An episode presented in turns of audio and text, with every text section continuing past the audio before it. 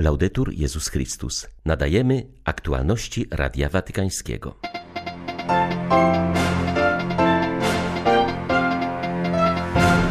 Świat uwierzy w Chrystusa nie tyle dzięki wzniosłym argumentom, co poprzez wiarygodne świadectwo miłości jednoczącej chrześcijan, stwierdził papież podczas audiencji ogólnej. Franciszek zachęcił wszystkie państwa oraz całą ludzkość do tworzenia warunków dla świata bez broni jądrowej. Trwa walka o życie polskiego pacjenta w Wielkiej Brytanii. Sąd Najwyższy podjął decyzję o zaprzestaniu jego leczenia. Oznacza to w praktyce eutanazję. 20 stycznia witają Państwa ksiądz Krzysztof Ołdakowski i Krzysztof Bronk. Zapraszamy na serwis informacyjny. Niech modlitwa będzie punktem wyjścia, aby pomóc Jezusowi w realizacji Jego marzenia, aby wszyscy stanowili jedno. Te słowa papież skierował podczas dzisiejszej audiencji ogólnej. Franciszek w katechezie skupił się na modlitwie o jedność chrześcijan, ponieważ tydzień od 18 do 25 stycznia jest poświęcony błaganiu Boga o dar przezwyciężenia skandalu podziałów między wierzącymi w Chrystusa. Papież zwrócił uwagę, że podczas ostatniej wieczerzy Jezus modlił się za swoich uczniów, aby wszyscy stanowili jedno. Można powiedzieć, że jest to jego duchowy testament. Widzimy jednak, że Pan nie nakazał uczniom jedności, ani nie wygłosił do nich przemówienia, które pobudzałoby ich do jej budowania.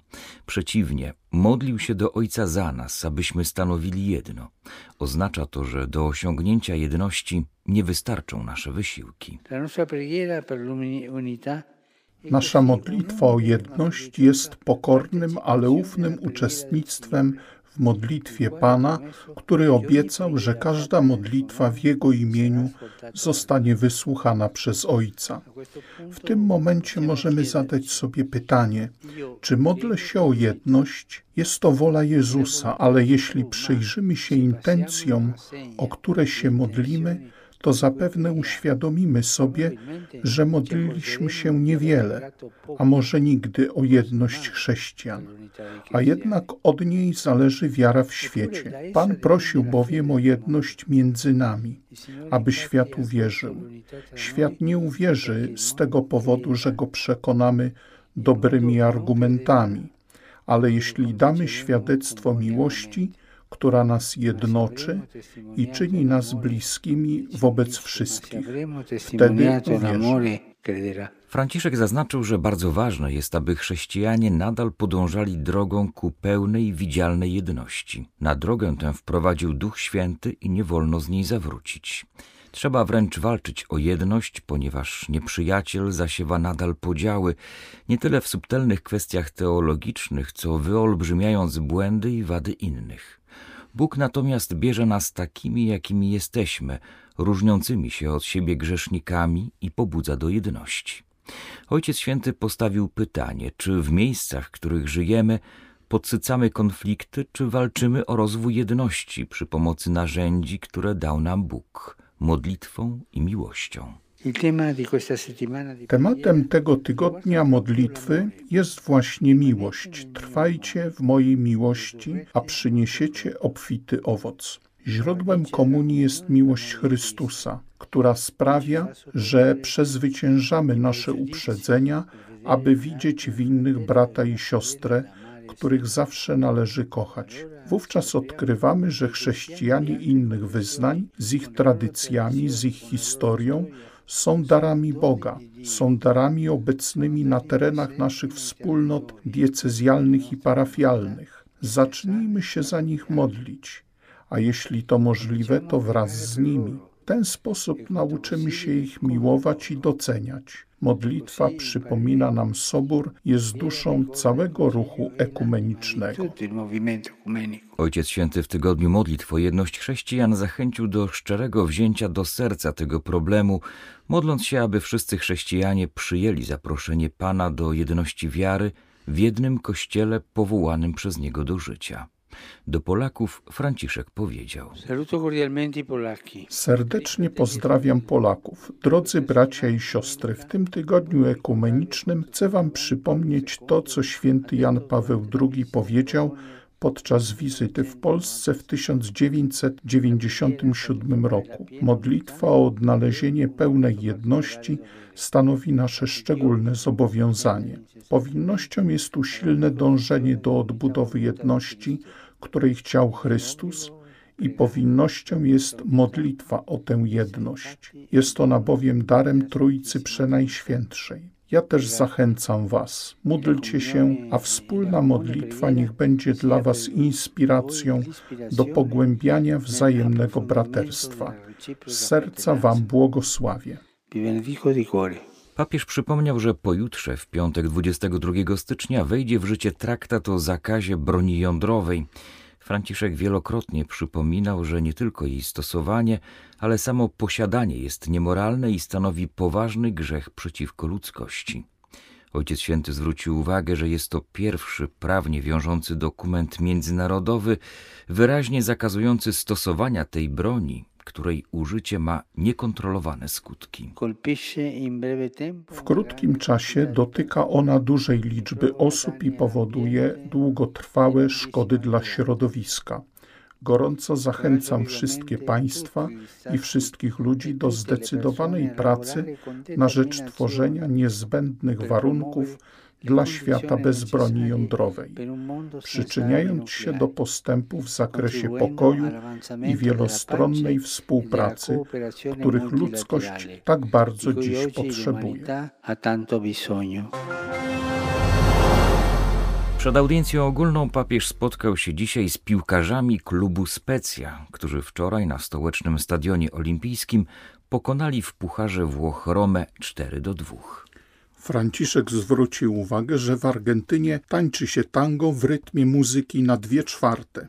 Nawiązał tym samym do wczorajszego rezultatu meczu i pogratulował drużynie przyjezdnej, korzystnego wyniku. Papież podziękował za wizytę i stwierdził, że bardzo ceni wysiłek młodych ludzi w sporcie, ponieważ jest on czymś cudownym, wydobywa to, co najlepsze mamy w środku. Trzymaj się tego, ponieważ to doprowadzi cię do wielkiej szlachetności. Dziękuję za świadectwo, podsumował papież Franciszek. Nawet w trudnym czasie ograniczeń wywołanych pandemią dialog ekumeniczny się nie zatrzymał. W tygodniu modlitw o jedność chrześcijan wskazuje na to biskup Brian Farrell, sekretarz papieskiej Rady do Spraw Popierania Jedności Chrześcijan. Przypomina on, że ten watykański urząd do spraw ekumenizmu skończył właśnie 60 lat które zaowocowały zbliżeniem chrześcijan na różnych płaszczyznach. To dążenie do jedności widać było także w czasie pandemii. Uniemożliwiła ona wprawdzie bezpośrednie kontakty, które są najważniejsze w budowaniu dialogu, ale otworzyła nowe możliwości spotkania w sieci. Biskup Farel przypomina, że prowadzonych jest aktualnie 15 dialogów teologicznych na różnych szczeblach. Pojawiają się w nich nowe kwestie. Związane są one między innymi z wyzwaniami dotyczącymi kwestii etycznych i moralnych wynikającymi z osłabieniem własnych tradycji teologicznych niektórych kościołów. Z kolei w dialogu z grupami pentakostalnymi trudnością jest sposób postrzegania przez nie misyjności, która często równoznaczna jest z prozelityzmem. Im pilniejsza jest potrzeba głoszenia Ewangelii naszemu światu, tym bardziej powinniśmy się starać o przywrócenie jedności Kościoła. Zwraca na to uwagę przewodniczący włoskiego Stowarzyszenia na Rzecz Działalności Ekumenicznej. Pietro Stefani przyznaje, że dzisiaj często dochodzi do ekumenicznych spotkań i coraz lepsze są wzajemne relacje między wyznawcami różnych wyznań chrześcijańskich. To jednak nie wystarczy. Trzeba też dążyć do przezwyciężenia podziałów historycznych i doktrynalnych. Żyjemy w trudnych i złożonych czasach, nie tylko ze względu na panującą w świecie pandemię, ale dlatego, że w wielu regionach świata, szczególnie w Europie, chrześcijaństwo staje się coraz mniej obecne w przestrzeni publicznej, ma coraz mniejszy wpływ na społeczeństwo. Jeśli kościoły się nie pojednają, by głosić przesłanie Ewangelii, to chrześcijaństwo będzie coraz bardziej zagrożone, W ekumenizmie nie chodzi zatem jedynie o spotkania, o dobrosąsiedzkie relacje, ale o to, by przekazywać przyszłym pokoleniom przesłanie Ewangelii. Papież Franciszek dzięki łatwości nawiązywania relacji doprowadził do bardzo ważnych spotkań z przedstawicielami innych wyznań.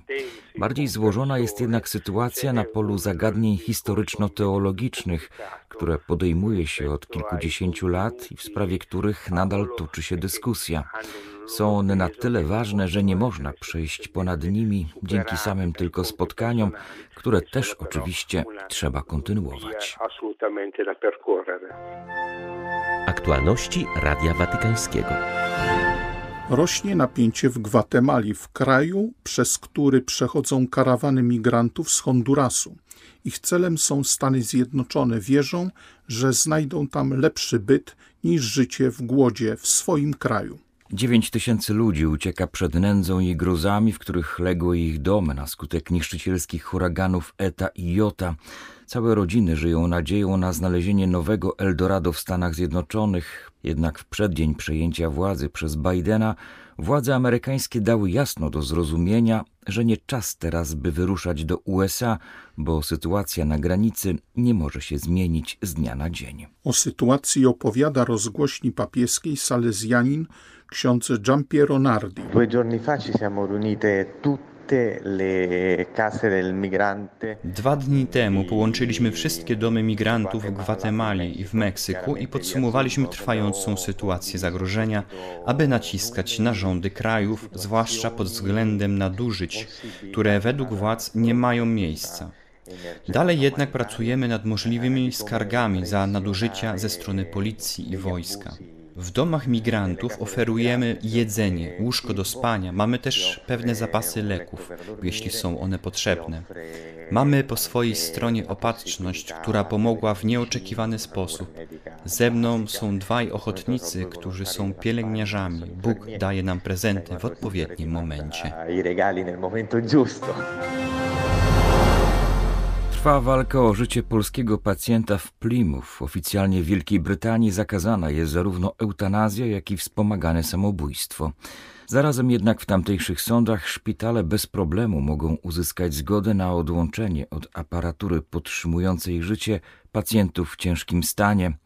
W ostatnim czasie brytyjskie i polskie media, opisując historię Polaka, pacjenta szpitala uniwersyteckiego w Plymouth, ujawniły, że w Wielkiej Brytanii eutanazja jest faktycznie praktykowana – Nieznana jest tylko skala tego zjawiska. Sędzia Cohen z Sądu Najwyższego uzasadniając decyzję o zaprzestaniu leczenia orzekł, że chociaż mężczyzna może przeżyć do pięciu lat lub dłużej, nigdy nie wyzdrowieje poza stan minimalnej świadomości, w którym ledwo rozpoznaje obecność innej istoty ludzkiej. Sędzia uznał, że mężczyzna nie chciałby być utrzymywany przy życiu w stanie, który nie daje mu możliwości czerpania przyjemności i który jest tak przygnębiający dla jego żony i dzieci. Argumentacja brytyjskiego Sądu Najwyższego wpisuje się doskonale w postawę totalnego utylitaryzmu w dziedzinie traktowania ludzkiego życia. Być może nie bez znaczenia jest również wątek ewentualnej transplantacji narządów. Według nowego uchwalonego w 2020 roku prawa rodzina nie będzie mogła zapobiec pobraniu narządów od zmarłej osoby, zaś według danych większość narządów pobieranych jest od ludzi, którzy umierają w trakcie sztucznej wentylacji na oddziale intensywnej terapii lub po stwierdzeniu ciężkiego uszkodzenia mózgu. W sprawie polskiego pacjenta szpitala w Plymouth jego biologiczna rodzina, matka, siostry i siostrzenica zarzuciły brytyjskim sądom podjęcie pośpiesznej decyzji, która nie uwzględniła katolickich przekonań chorego o świętości życia. Natomiast Europejski Trybunał Praw Człowieka uznał, że sprawa ta nie kwalifikuje się do rozpatrzenia z powodu braku naruszenia konwencji. Dla Radia Watykańskiego Elżbieta Sobolewska-Farbotko, Radio Bobola, Londyn.